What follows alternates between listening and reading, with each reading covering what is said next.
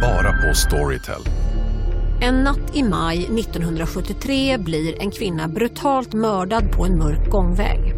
Lyssna på första delen i min nya ljudserie. Hennes sista steg av mig, Denise Rubberg. Inspirerad av verkliga händelser. Bara på Storytel. Om en så vidde på väg till dig för att du råkar ljuga från kollega om att du också hade en och innan du visste ordet av bjöd du hem kollegan på middag och... Då finns det flera smarta sätt att beställa hem din sous vide på. Som till våra paketboxar till exempel. Hälsningar Postnord. Kort påminnelse om att man fortfarande kan rösta i Svenska podcastpriset. Gå eh, jättegärna in på podcastpriset.daytona.se och dunka iväg en röst på Fördomspodden. En nominering där vore visserligen ett eh, närmast obeskrivligt litet steg för människan, men ett eh, ganska ansenligt steg för Fördomspodden. Så alla till eh, podcastpriset.daytona.se. Tack för att du röstar på Sveriges fördomsfullaste podcast. Du har eh, kört in ett eh, tomtebloss i urinröret under en hemmafest och eh, tänt på därför att vem kommer att få uppmärksamhet på en hemmafest om inte mannen med ett gnistrande tomtebloss i urinröret? Nästan rätt. Över Carl Björkegrens fina vignettmusik kliver jag in och konstaterar att vi ju alla bär på en jävla massa fördomar. Och eh, jag tror det är viktigt att vara uppmärksam på det där och inte per automatik ta sina förutfattade meningar för absoluta sanningar. Det är de nämligen ganska sällan. Därför har jag, Emil Persson, tillsammans med Café startat den här podcasten där jag bjuder in en anmärkningsvärd person och eh, drar mina fördomar om hen. Så får vi se om de konfirmeras eller dementeras. Detta är då själva Fördomspodden. Veckans gäst är Henrik Schyffert, komiker, skådespelare och mannen som placerar Killing i Killinggänget. Han är bland mycket annat känd från saker som Nile City 105,6 och eh, filmserien Fyra små filmer. Tätt förknippad med framförallt Torsk på Tallinn. 2007 gjorde Schyffert The 90s, ett slags eh, scenföreställningarnas Känn ingen sorg för mig i Göteborg. Oerhört och eh, rättmätigt hyllad. Nu följer han upp med sin första stand-up-turné på tio år. Den heter eh, Var inte rädda och har ett tema som lirar hyfsat väl med Fördomspodden ändå. Eftersom det bygger på människans ogrundade rädslor och eh, vanföreställningar. Föreställningen rullar i vår med start i februari och biljetter till Var inte rädda finns på skyffet.se. Det om det, nu åker vi. Du vet din kroppsfettprocent. Nej, det gör jag faktiskt inte. Eh, det är en rolig fråga. Jag har nog eh, mätt den någon gång, men det var nog fan tio år sedan jag gjorde det tror jag. Eh, och då kanske den var så här, ja, nu gissar jag bara, men 15-20 någonting. Sånt där, där någonstans låg det. Mm. Men jag är, håller ju på mycket med det där för att eh, jag är en viktpendlare av Guds nåde. Och liksom smällfet och jättesmal så jag går upp och ner. Så det går i faser. Så jag håller på sådär, nu ska jag väga mig varje dag, nu ska jag äta nyttigt och sådär. Sen bara skiter jag i det ett tag sådär. Så att eh, du är på rätt spår, men eh, just den siffran kan jag inte. Men jag väger 89,2. Du och eh, Fredrik Lindström har samma revisor. Eh, nej, det har vi inte. Vi har eh, olika revisorer och olika bokförare. Eh, vi har inte så där mycket sånt gemensamt. Jag tror att revisorer, läkare, advokater, mäklare, sånt där som man behöver som vuxen man, det tar man med sig, det väljer man när man är i 19-årsåldern. Sen klamrar man sig fast för dem eh, genom livet. Så att eh, det är väldigt svårt att byta sånt där. Så det har jag nog aldrig gjort. Du äger eh, svinigt dyra träningskläder från Under Armour som du inte har betalat för. Jag har betalt för alla mina träningskläder. Jag har liksom noll spons. Jag har inte en enda sponsgrej. Har aldrig. Jag, jo, jag gjorde någon fotogrej någon gång och då fick jag behålla någon tröja sådär. Men annars så inget spons alls. Mina träningskläder, jag har dem i väskan. Jag öppnar dem, jag ska träna nu. Ska jag visa vad jag har. Ja, det här är poddmaterial. Put your, put your money where your mouth is. Ja. Det här är ett par eh, Nike-brallor. Mm. Det är i och för sig Giacuso, det är väl något fint då kan jag tänka. Men de har jag haft i Mm. fyra år. Eh, och sen har jag en tröja från Kriminalvårdsverket. Den här är faktiskt från Hall, från säkerhetsavdelningen på Hall. Mm. Så en kompis som jag var som plit där. Så den är, den är, inte, den är inte värd några kronor. Och sen har jag ett par gamla dojor, de har jag också haft i fyra år. Som ett, jag vet inte ens vad det är för märke. Nej, och så ett par strumpor som jag har på golvet. Så, så ser det ut. Det är ju inget speciellt flott alls tyvärr. Du har eh, haft sex iklädd enbart cowboyhatt. Nej, det hade jag gärna gjort. Jag är inte rädd för det. Men den eh, möjligheten har inte dykt upp. Eh, jag äger en cowboyhatt. I somras höll jag på att jag skulle vara, när jag gjorde stand-up så var jag så trött på det här att man ska ramla upp på stand-up-scenen i så gamla t-shirts och bara så här, kör läget. Jag tänkte varför kan man inte ha lite, så här, lite roliga kläder på sig också? Så i somras när jag var ute och turnerade, då var jag cowboy. Då hade jag jeans, skjorta, jeans, cowboybälte med en stor örn på i silver, boots och hatt. Men det blir ju konstigt för folk sitter och tänker varför i helvete ser han ut som Seb McKayan? Vad vill han med det här? Och det tar ju bort lite av det man säger, så man förlorar lite på det. Men efter några minuter så vänjer sig folk. Liksom, ja, nu har jag en cowboy. Så bara, de köper det. Så att eh, jag gillar cowboy-estetiken, men eh, den förstör lite också i mitt yrke. Du är eh, oerhört höjdrädd. Eh, absolut noll höjdrädd. Du har haft fel på alla frågor hittills ska jag säga. Inte minsta höjdrädd. Uh, har inga sådana fobier alls. Inte rädd för torg, ormar. Gjorde min före detta fru gick läkarlinjen och då skulle de göra ett sånt där psykologitest. Där man kan ta reda på vad man har för bokstavskombinationer eller om man är narcissist eller rädsla, allt sånt där. Men ett jätteavancerat test som tar liksom flera timmar att göra. Och det gjorde jag och jag hade liksom noll. Jag hade ingenting på någonting sånt där. Extremt eh, frisk i huvudet är jag. När det kommer just till sånt där. Sen är jag sjuk i huvudet på andra sätt. Men just den där, de mätbara sjukdomskombinationerna, de har jag inte. Fördomspodden sponsras återigen av Air Up. Och Air Up är en innovativ flaska som smaksätter helt vanligt kranvatten med doft. Nyskapande som fan om man får säga det själv. Och AirUp har utvecklats för att man ska slippa välja mellan smak och hälsa. För med det här systemet så gör man sig själv en tjänst varje gång man vill dricka något gott. Och att smaksätta vatten med doft kan ju låta lite som, jag vet inte, magi. Svartkonst nästan. Men AirUps hemligheter är högst vetenskapliga för det kallas retronasal doft. Eller med ett enklare ord att uppleva smak med näsan. Ja men exakt, och eh, alltså AirUp är ju en gammal kär vän till mig.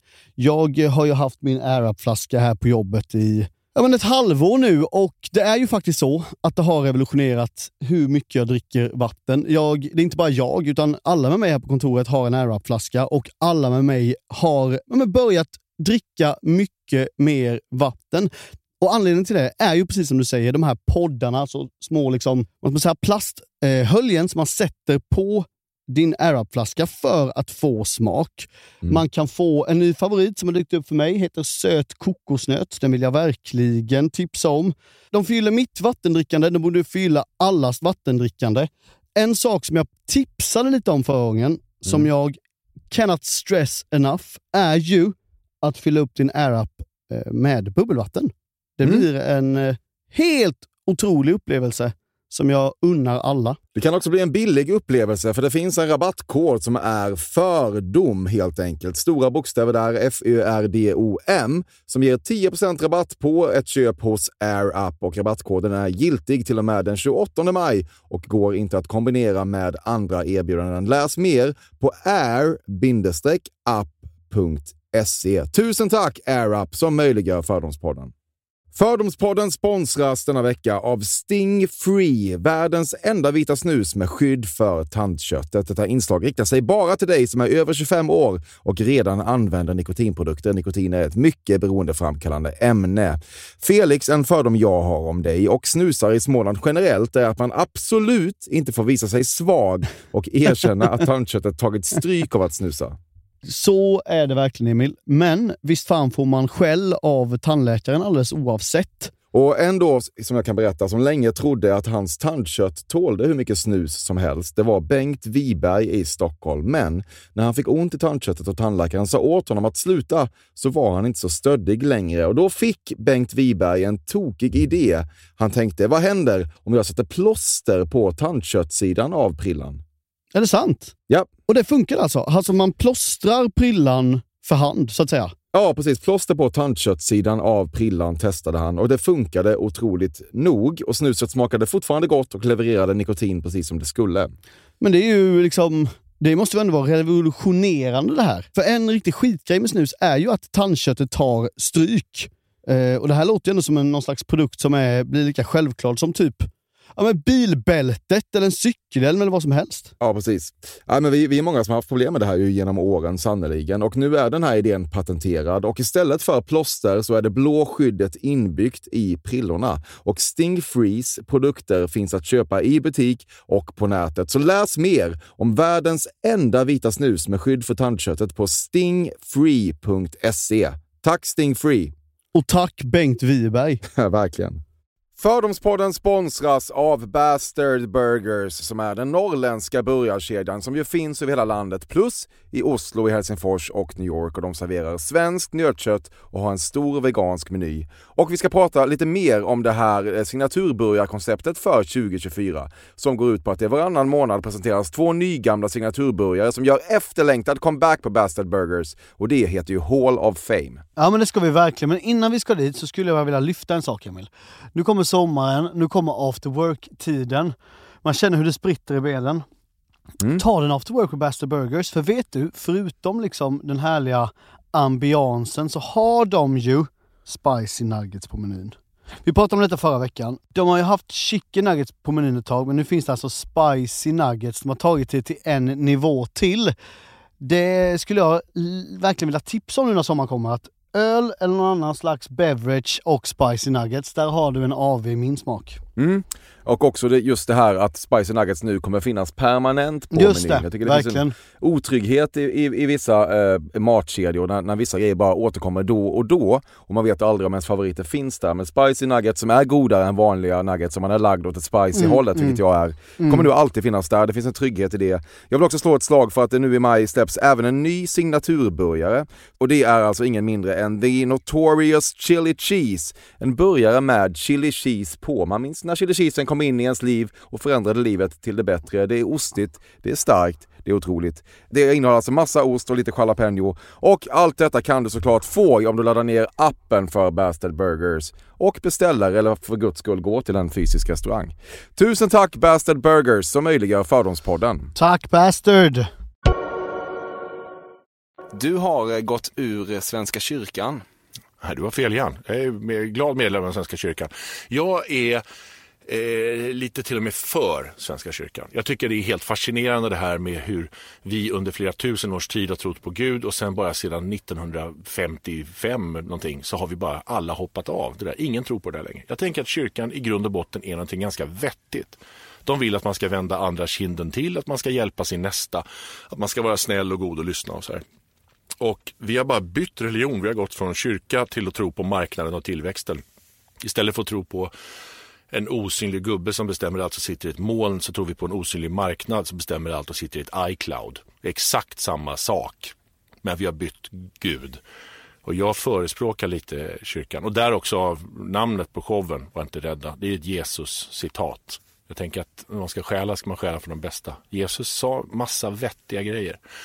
Om något så ska jag nog kanske engagera mig ännu mer i Svenska kyrkan. Jag, jag tycker att det är, speciellt i de här Trump-tiderna, så det är dags att börja tänka på sin nästa. Tror du på Gud? Nej, det är ju problemet då. då. Baksidan med det här är att jag tror inte på Gud. Men jag tror på attityden som Gud vill förmedla. Jag tycker den verkar väldigt vettig faktiskt. Det är inget fel på den alls. Du har eh, nyraderad internethistorik. Eh, nej, det har jag inte. Jag sparar inte min historik alls. Den stängde jag för flera år sedan. Alltså den kommer väl någon åt om någon är proffsig. Så att eh, jag får knacka in allting hela tiden. Så jag, går man in där och söker på historia så är det alltid tomt. Det har alltid varit. Så har jag löst det. Så på så sätt kan man ju säga att jag har... Ja, du har rätt där. Att jag, det- den raderas hela tiden. Men jag går inte in och rensar utan eh, det där är ju... Jag hade en mardröm en gång faktiskt att jag satt och kollade på nyheterna och så började hon på Rapport läsa upp mina sista Google-sökningar. inför hela svenska folket. Jag vaknade i panik. Usch, det där vill ni inte veta. Vad var det för sökningar? Ja, men det är så geggiga grejer. Tuffaste jaktkniven i Europa du vet sånt där skit. Tänker, det, här, det här ska inte någon ha, få reda på. Du har eh, lite svårt att eh, förhålla dig till din roll som eh, envåldshärskare inom svenskt humor och medieetablissemang. För innerst inne är du bara en osäker pojke. Det är 100% rätt. Det här är en av mina jobbigaste grejer faktiskt. Och när folk säger, du ser direkt när du börjar prata om det där så börjar jag skruva på mig och lägger armarna i kors. Det är, det är svårt som, jättesvårt det där. Jag ser inte det alls. Eh, Jag blir alltid chockad när folk säger sånt där och tänker liksom va? Jag håller, bara håller harva på precis som alla andra. Sen tycker jag inte, alltså envåldshärskare är ju ett roligt ord. Men det är ju ingen som är. Folk håller ju på med, med sitt. Jag bestämmer inte över någon. Jag brottas med mitt och mina problem och mina shower och mina texter och mina bokningar. Det håller jag på med. Och jag, jag tycker det är kul när det går bra för andra. Jag hjälper andra så mycket jag kan. Jag har fyra, fem stycken sådana här rookies som jag sitter med och hjälper dem att hitta tid och plats och hjälper dem med skämt och sådär. Tycker att det är en sån bransch. Det är en sån här mästare i gesällbransch. Ingen är, har utbildning utan man får klara sig själv. Och det gör man genom att gå bredvid någon som har gjort det tidigare. Så det, det är mitt jobb nu tänker jag i så fall. Men jag är jätteosäker och tycker det är jobbigt det där. Har du eh, funderat kring varför du har sån sinnessjuk respekt? Nej, det har jag inte. Och eh, jag tycker inte heller att det stämmer. Jag har en ganska hård arbetsetik. Jag jobbar väldigt hårt med mitt. Det är ganska många i branschen som åker runt på fungerande gammalt material eller som dyker upp fem minuter innan och tar en öl och bara kör lite på en höft sådär. Det är absolut jättemånga som inte gör det heller. Men det finns en sån enklav. Och jag, är, jag skriver mycket, repar mycket, är där tidigt. Spelar in, lyssnar, redigerar, ändrar. Så här. Jag jobbar ganska hårt med det. Så här. Och det skulle väl kanske kunna vara en sån respektingivande. Jag får ganska mycket kommentarer av andra komiker att jag, att fan vad du jobbar, säger de ofta. Så det kanske är det då. Men igen, det här banka på egen trumma är jättejobbigt. Du och eh, de andra mediemännen, i eh, brist på ett eh, roligare ord, i, dikt, i ditt ja... Vänta, jag tar om det där. Ja, gör det. Det där var inget bra alls. Fast det här måste du behålla, just det här partiet. ja, jag får göra det nu eftersom du, eftersom du pikade mig så vackert. Ja, det är så diskret. Ja. kör vi igen. Du och eh, de andra mediemännen Bättre, i eh, bättre. ditt jaktlag drar lott om vem som varje jaktsäsong måste lägga upp en bild och posera bredvid ett fält djur på Instagram. Det får vara värt skitstormen om man långsamt ska försöka vända opinionen. Ja, den första biten är ju fel, det gör vi ju inte såklart. Nej. Men den andra biten är ju lite rätt. Så här, det, det är ett väldigt delikat problem det här. Jag la ju upp då, det är den du syftar på förstås, en jaktbild här i augusti. Jag sköt en kronhjort och så la jag upp den. Och å ena sidan utav mig tänker att vad fan så här ser det ut liksom. Om du äter leverpastej eller prickig korv eller kyckling så äter du kött. Då ser det ut så här. Och det är väl lika bra att ni vänjer er vid det. De som är vegetarianer har jag inget att argumentera emot. De har helt rätt. De vinner varje gång. Men ni som äter lite kött eller Stockholmsvegetarianer och fortfarande tycker att den här bilden är jobbig. Ni har faktiskt fel. Så där ser det ut. Och det får ni vänja er vid. Men med detta sagt vill jag också säga jag gör också fel som bara slänger upp den här bilden. För det sitter liksom nioåringar och liksom bara eh, språlar igenom flödet och helt plötsligt dyker det upp ett dött djur. Och de har inte bett om den bilden. Den körde jag upp i ansiktet på dem. Och det var fel. Så därför tog jag ner den här bilden. För det tänkte jag inte på när jag la upp den. Så det, det är ambivalent det där. Det finns en sida som också tycker liksom så här. Eh, Alltså vi konsumerar så fruktansvärt mycket kött nu. Vi konsumerar liksom 80 gånger mer kött än vi bara gjorde på 90-talet. Vi är helt tokiga. Vi bara äter hur mycket som helst. Och att då dra igång någon slags ramaskri när man en gång får se ett dött djur samtidigt som vi konsumerar så mycket kött. Det finns eh, något hy- hycklande i det som jag tycker att enda sättet att få bort det är att bara visa. Så här ser det ut, så här ser det ut. Men under, för det känns ofta som att dramaturgin inkluderar också att två dagar senare så tas bilden bort igen. Underskattar ni ändå den, den kritik som, som kommer då? Ja, det blir, så är det. Så blir det för jobbigt att hantera. Ja, eller jag kan inte prata om andra, men för mig var Nej. det så i varje fall att jag la upp den där för jag var så himla glad för det var så svårt att göra och sådär. Och sen tror folk att man springer och skjuter hela tiden. Det gör liksom, det kan ta ett år mellan man får skjuta. Så att, så att eh, man blir- blir väldigt upprymd när man verkligen lyckas. Men det som händer är ju då att det, får man liksom hundra, det var säkert 2000 kommentarer på den, men får man hundra av dem som är så här liksom jätte, jätteledsna och helt sårade, så det, det, det fäster. Det, man är inte gjord av trä, det där tar. Liksom. Och det, då tänker jag att ja, men jag gör fel här som håller på att tvinga dem att titta på den här skiten. De ska slippa det om de inte vill det. Och då tar man bort det. Men man är, man är både och. Alla människor tror jag är både och. Man är både för det där och mot det där.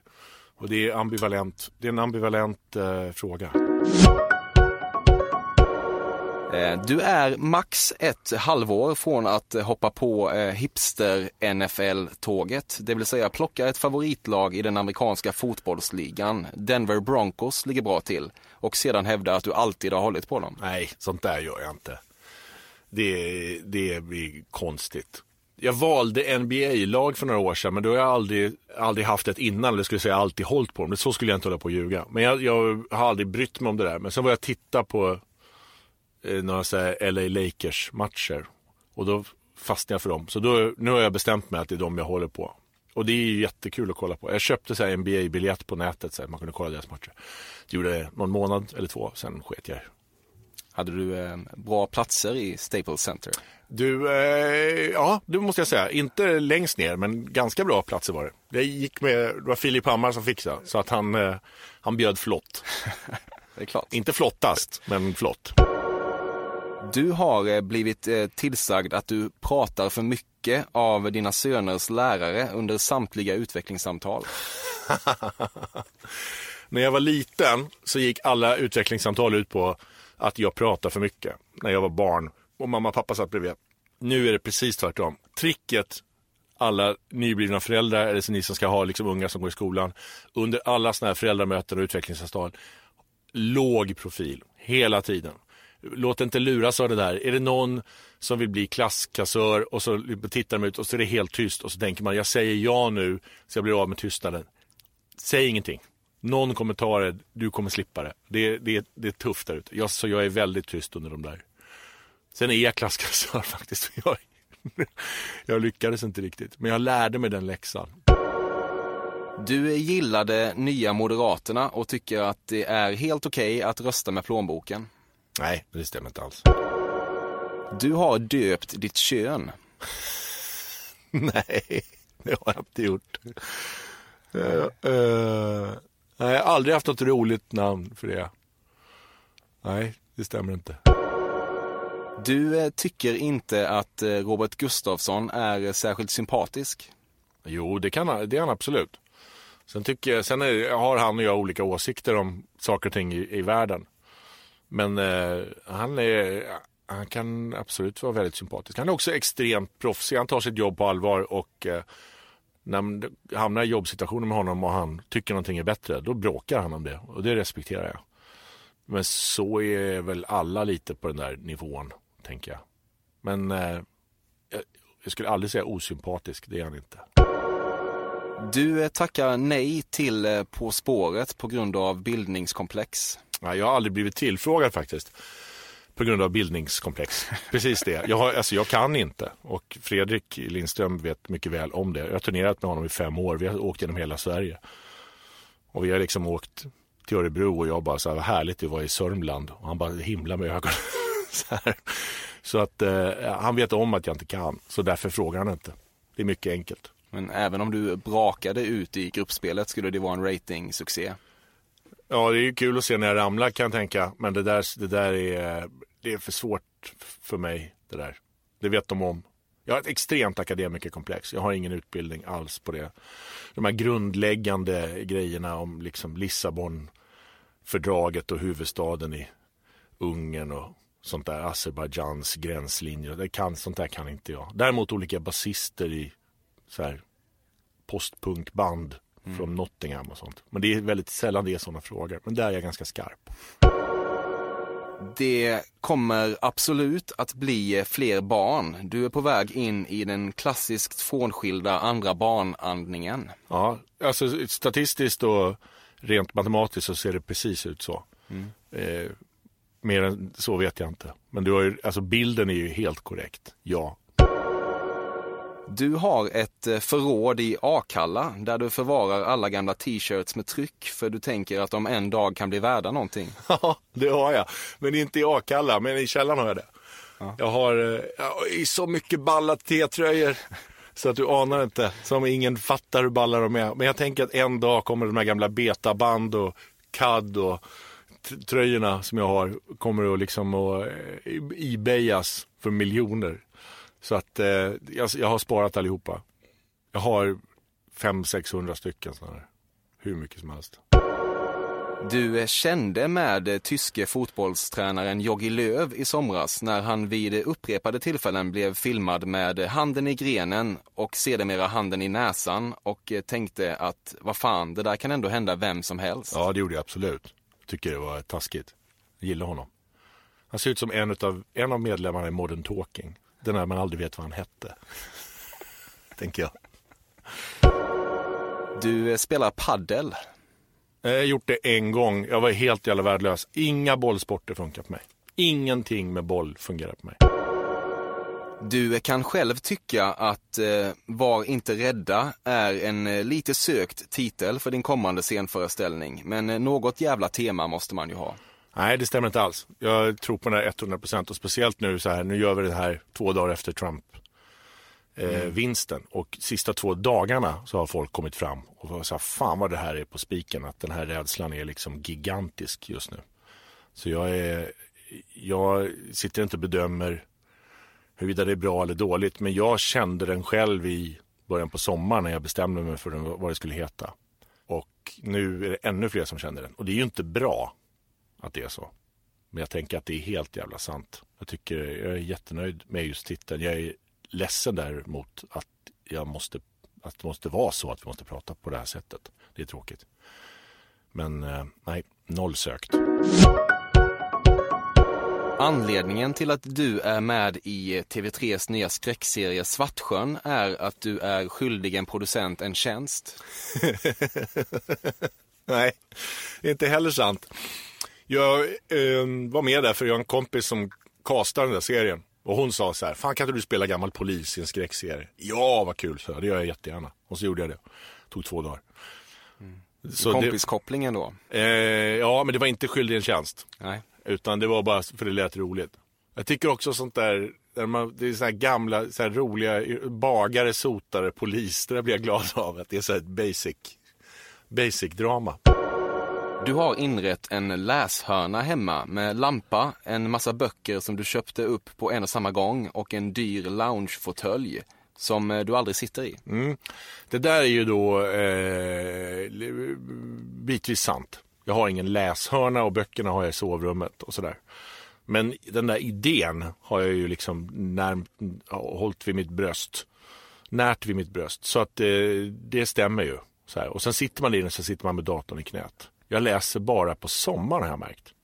Men då kan jag läsa så här 20 böcker på en sommar. Då läser jag liksom en bok om dagen eller på två dagar. Så jag läser jätte, jättemycket. Jag är inte ensam om det där kan jag säga. Det har vi många gjort. Man vill skicka signalen att man är lite av en läsare hemma. Det är så man inreder idag. Det är därför man har så dyra kök. Man vill skicka signalen att man är en matlagare. Man har ett kök för 200 000 som man står och mikrar så här gosh och eh, hämt mat i.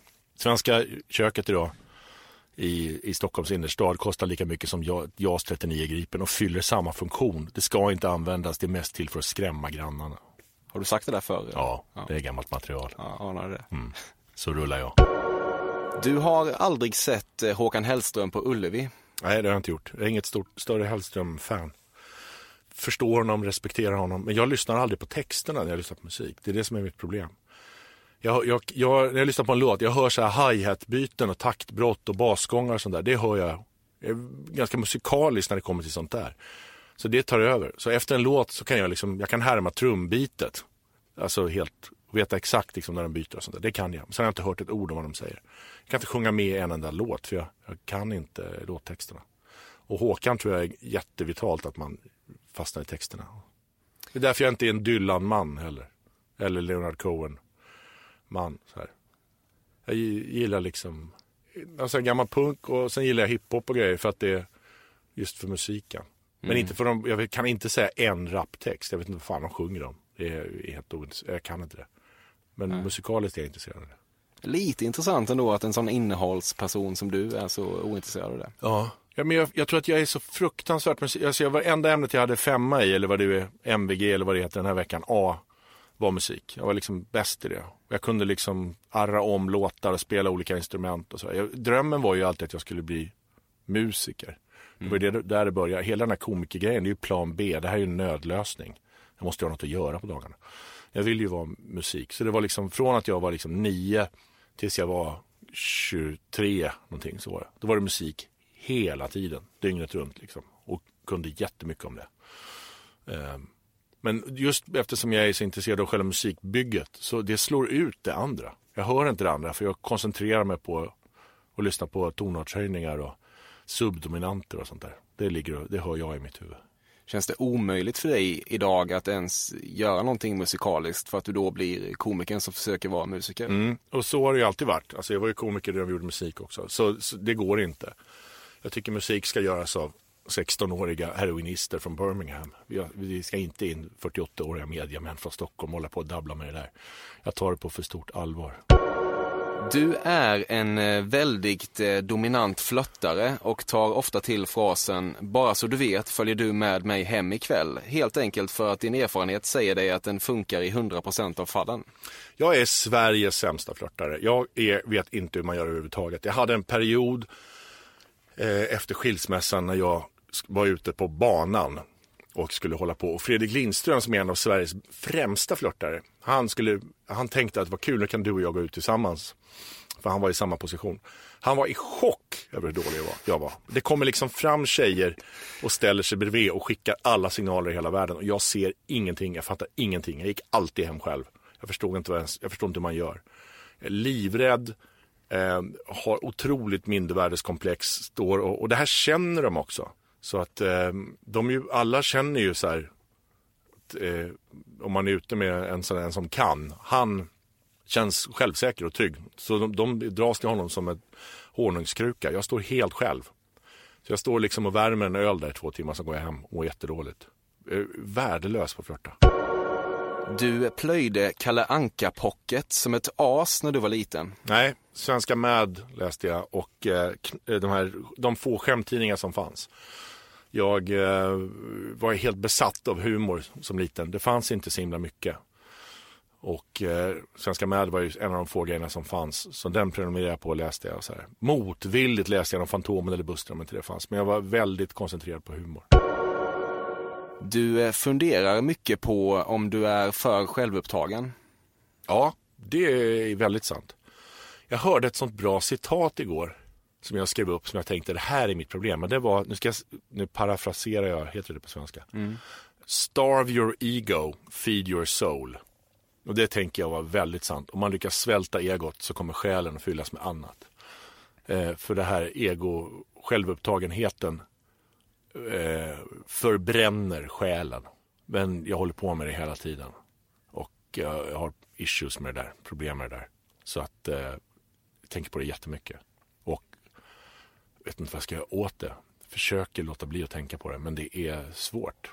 Men ja, självupptagen, yes. Har vi någon upphovsman eller kvinna på det där citatet? Ja, det är faktiskt DJ AM som sa det där.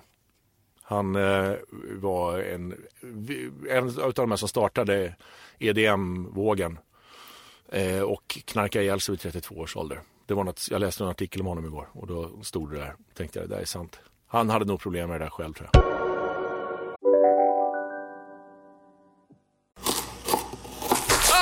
Dåliga vibrationer är att skära av sig tummen i köket. Ja! Bra vibrationer är att du har en tumme till och kan scrolla vidare. Få bra vibrationer med Vimla. Mobiloperatören med Sveriges nöjdaste kunder enligt SKI. Demideck presenterar Fasadcharader.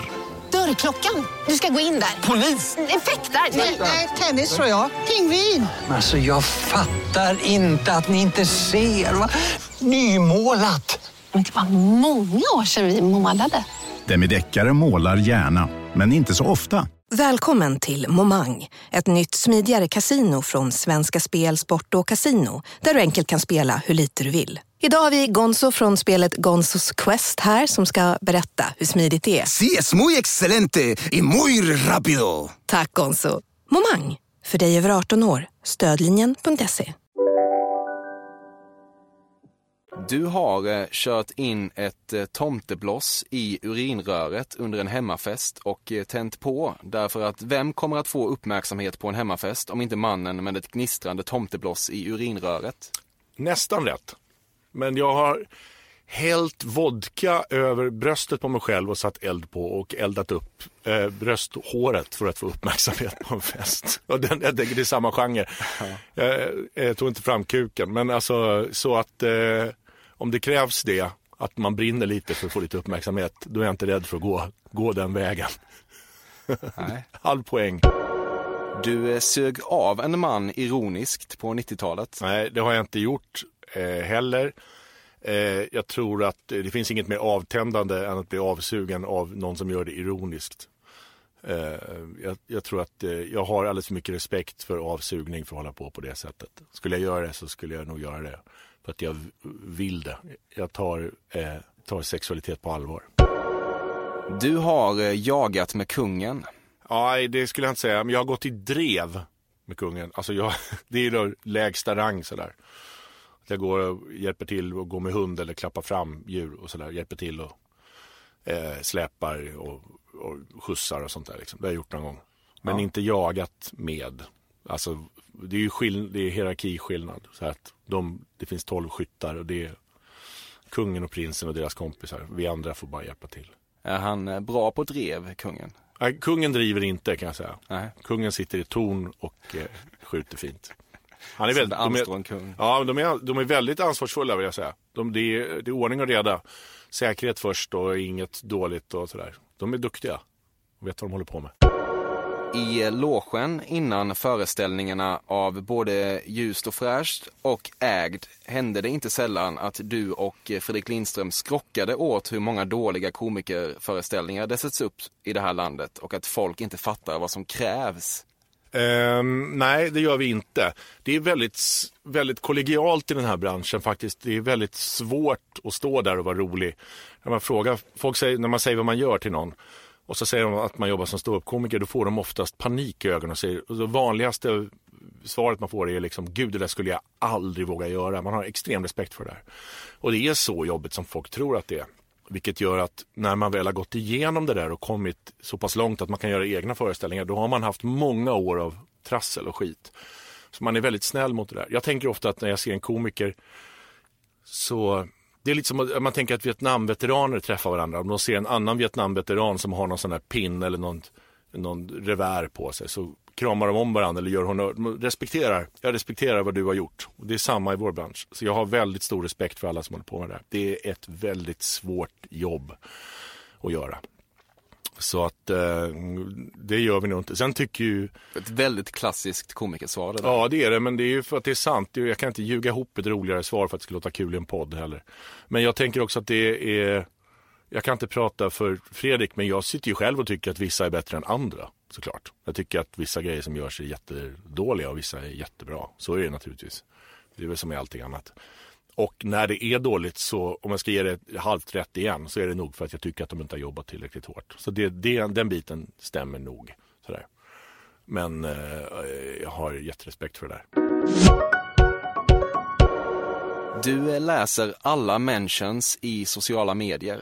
Eh, ja, det gör jag nog. De dyker upp, de plingar till, så de läser jag. Det är också den där självupptagenhetsgrejen. Men det gjordes, jag kommer ihåg, jag gick någon utbildning någonstans, och var det någon journalist som berättade om, eh, vi fick en arbetsövning som var, här måste du också ha gått på, men vilken rubrik skulle du garanterat läsa artikeln under? Och så fick folk hitta på då så här. Och då var det så här liksom, liv hittat på Mars och vad skulle man garanterat läsa? Men då sa han, eh, det ni egentligen skulle läsa är ju ert namn högst upp och sen så är det en artikel under. Den skulle ni garanterat läsa. Och det har han ju helt rätt i. När man träffar liksom mitt i köttet, då blir man jätteintresserad. Och det är lite baksidan med det här jobbet att det skrivs ju sånt där. Och det är jävligt svårt att inte läsa det. När man själv är nämnd. Det, är, det tror jag alla gör någonstans. Och sen är det inte så mycket som folk tror. Det är liksom några, det är, det är några per dag. Så här. Men så mycket är det inte. Så att det är inte att det bara, alla som mejlar är så du får säkert hundra mejl om det här. Nej, jag har fått fyra mejl den här veckan. Du kan själv tycka att din förra eh, succéföreställning, The 90s, är eh, lite, lite överskattad, även om du förstås tackar och tar emot. Ja, det är helt rätt. Det, det stämmer.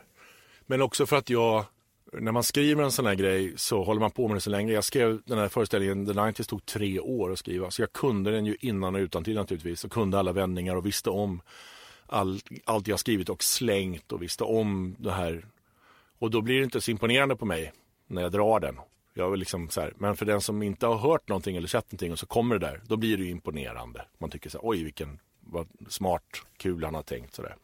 Medan jag vet att det här är liksom bara massa slit bakom det här. Så jävla smart är det inte. Eh, så på så sätt stämmer det ju också. Men svinstolt över den. Jag var ju eh, första gången jag gjorde någonting som handlade om mig på riktigt och sådär. Och så tänker jag att man har en sån där historia i sig. Man har en sån där ondskan eller mig äger ingen i sig. Och det går inte att göra om. Och det där var min. Och hur ska jag...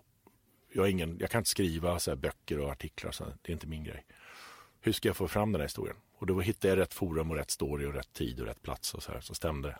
Så stolt över den, men jag kan absolut tycka att det är överskattat jag vet inte om jag minns rätt, men, men jag upplevde det som att den var lite groundbreaking också för att den var ganska tidig, åtminstone i Sverige, med vara en humor, humorföreställning med liksom lite halvsvart botten sådär. Mm. Sen dess har det ju kommit 2000 liknande. Mm, eller åtminstone sju.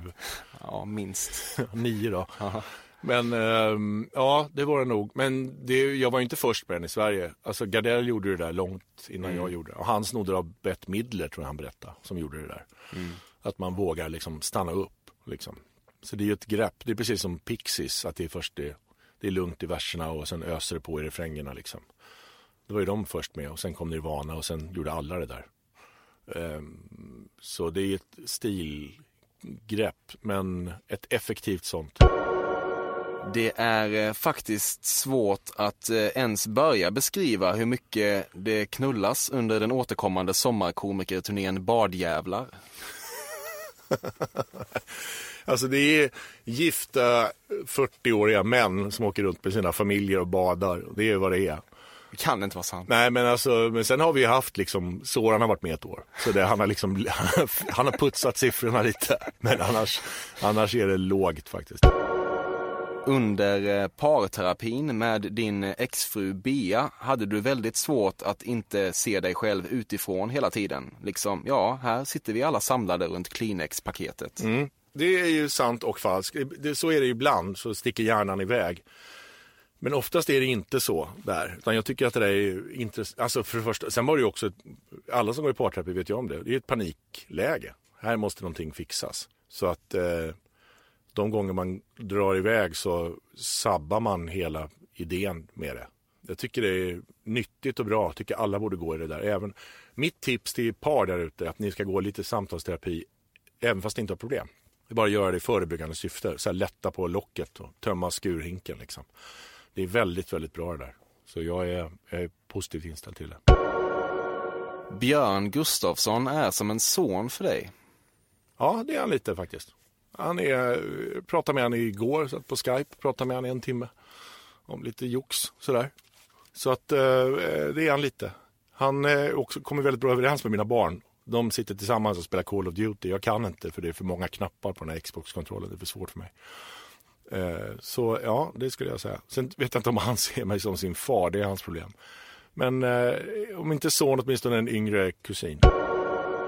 Det var ganska naturligt för dig att eh, kliva ner efter tv-serien Landet brunsås innan Historieätarna, för du insåg att du var blott en parasit på den flödande kemi som fanns mellan Erik Haag och Lotta Lundgren.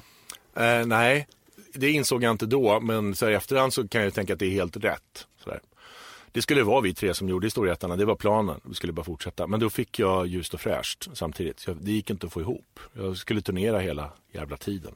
Och när det här skulle spelas in, då var jag i Umeå. Så det, det var därför. Det var, men planen var att det skulle vara tre från början. Men jag, idag är jag ju jätteglad för deras skull. Det är ju liksom, det, de gör det helt genialt tillsammans. Inget har varit lättare för dig än att knalla in på SVT och säga eh, jag och Reborg ska göra en tv-serie som heter Alla är fotografer. Nej, det var krångligt. Det var samma sak där. Det går inte bara. Så det är klart att det hjälper att vi är två vita mediamän i ropet och få igenom det där. Men eh, vi höll på ganska länge och krångla ihop vad är det vi vill med det här innan vi fick igenom det där. Så det var ganska många möten om det. Du hävdar eh, lite otippat att eh, den eh, svarta komediserien Allt faller är den bästa tv du gjort. Mest för att du gillar det alternativa i den åsikten och att du då får känna dig lite missförstådd. Nej, men jag tycker den är svinbra. Jag tror att det är bland det bästa, alltså som jag regisserat är det helt klart det bästa jag gjort. Jag tycker att den eh, blev jättebra. Jag tycker det är tråkigt att inte fler har, har sett den, faktiskt. Du köper eh, svindyra produkter mot håravfall. Nej, det har jag aldrig gjort. Jag har liksom en receding hairline som det heter. Den vandrar långsamt bakåt men jag är snart 50 så det är väl inte så himla konstigt. Jag har ganska, ganska tjockt hår. Eh, om än grånande. Men eh, jag har inte köpt något sånt. Tror inte på sånt där heller. Tror inte på oljor och krämer överhuvudtaget. Tror inte det fungerar. Jag tror att det där är mumbo jumbo. De, det är också var inte rädda. Att du ska vara, fixa rynkor genom att smeta på det. Någon sån där lärksperma eller någonting för liksom 1100 spänn. Det tror jag inte på. Jag vet inte om lärker har sperma, men om de har det så skulle någon jävel kunna stoppa det i en burk och ta jättemycket betalt för det. Det där är bu- bullshit, tror jag. Sen också, alltså håravfall. Hade någon knäckt det på riktigt, då hade det varit världens största företag idag. Eftersom det inte funkar så märker man, man märker det. Det är ju liksom, det där Rogaine, det fungerar inte. Du eh, likar eh, Jesper Walderstens bilder på Instagram utan att riktigt fatta vad de betyder. Nej, Jesper fattar man. Det är inte så krångligt. Jag älskar Jesper.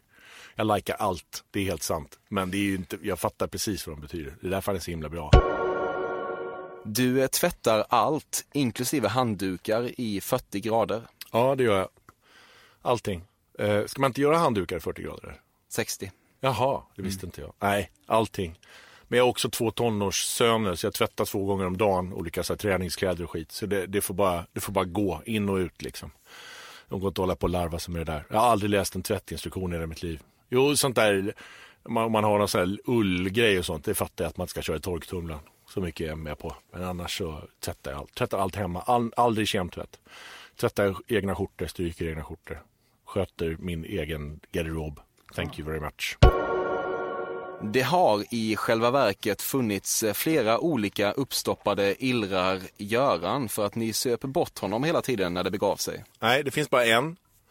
Eh, eller det fanns bara en och den står hemma hos mig. Den lyckades jag sno, så den har jag. Sen så gjorde Robert någon slags sån här kavalkadrevy, Mitt liv som underhållar-revy. Så här, när han skulle ha en iller. Och då så gjordes det en kopia på den som han hade. Eller två kopior tror jag. Så det finns två kopior ut också. Men originalet är hemma hos mig.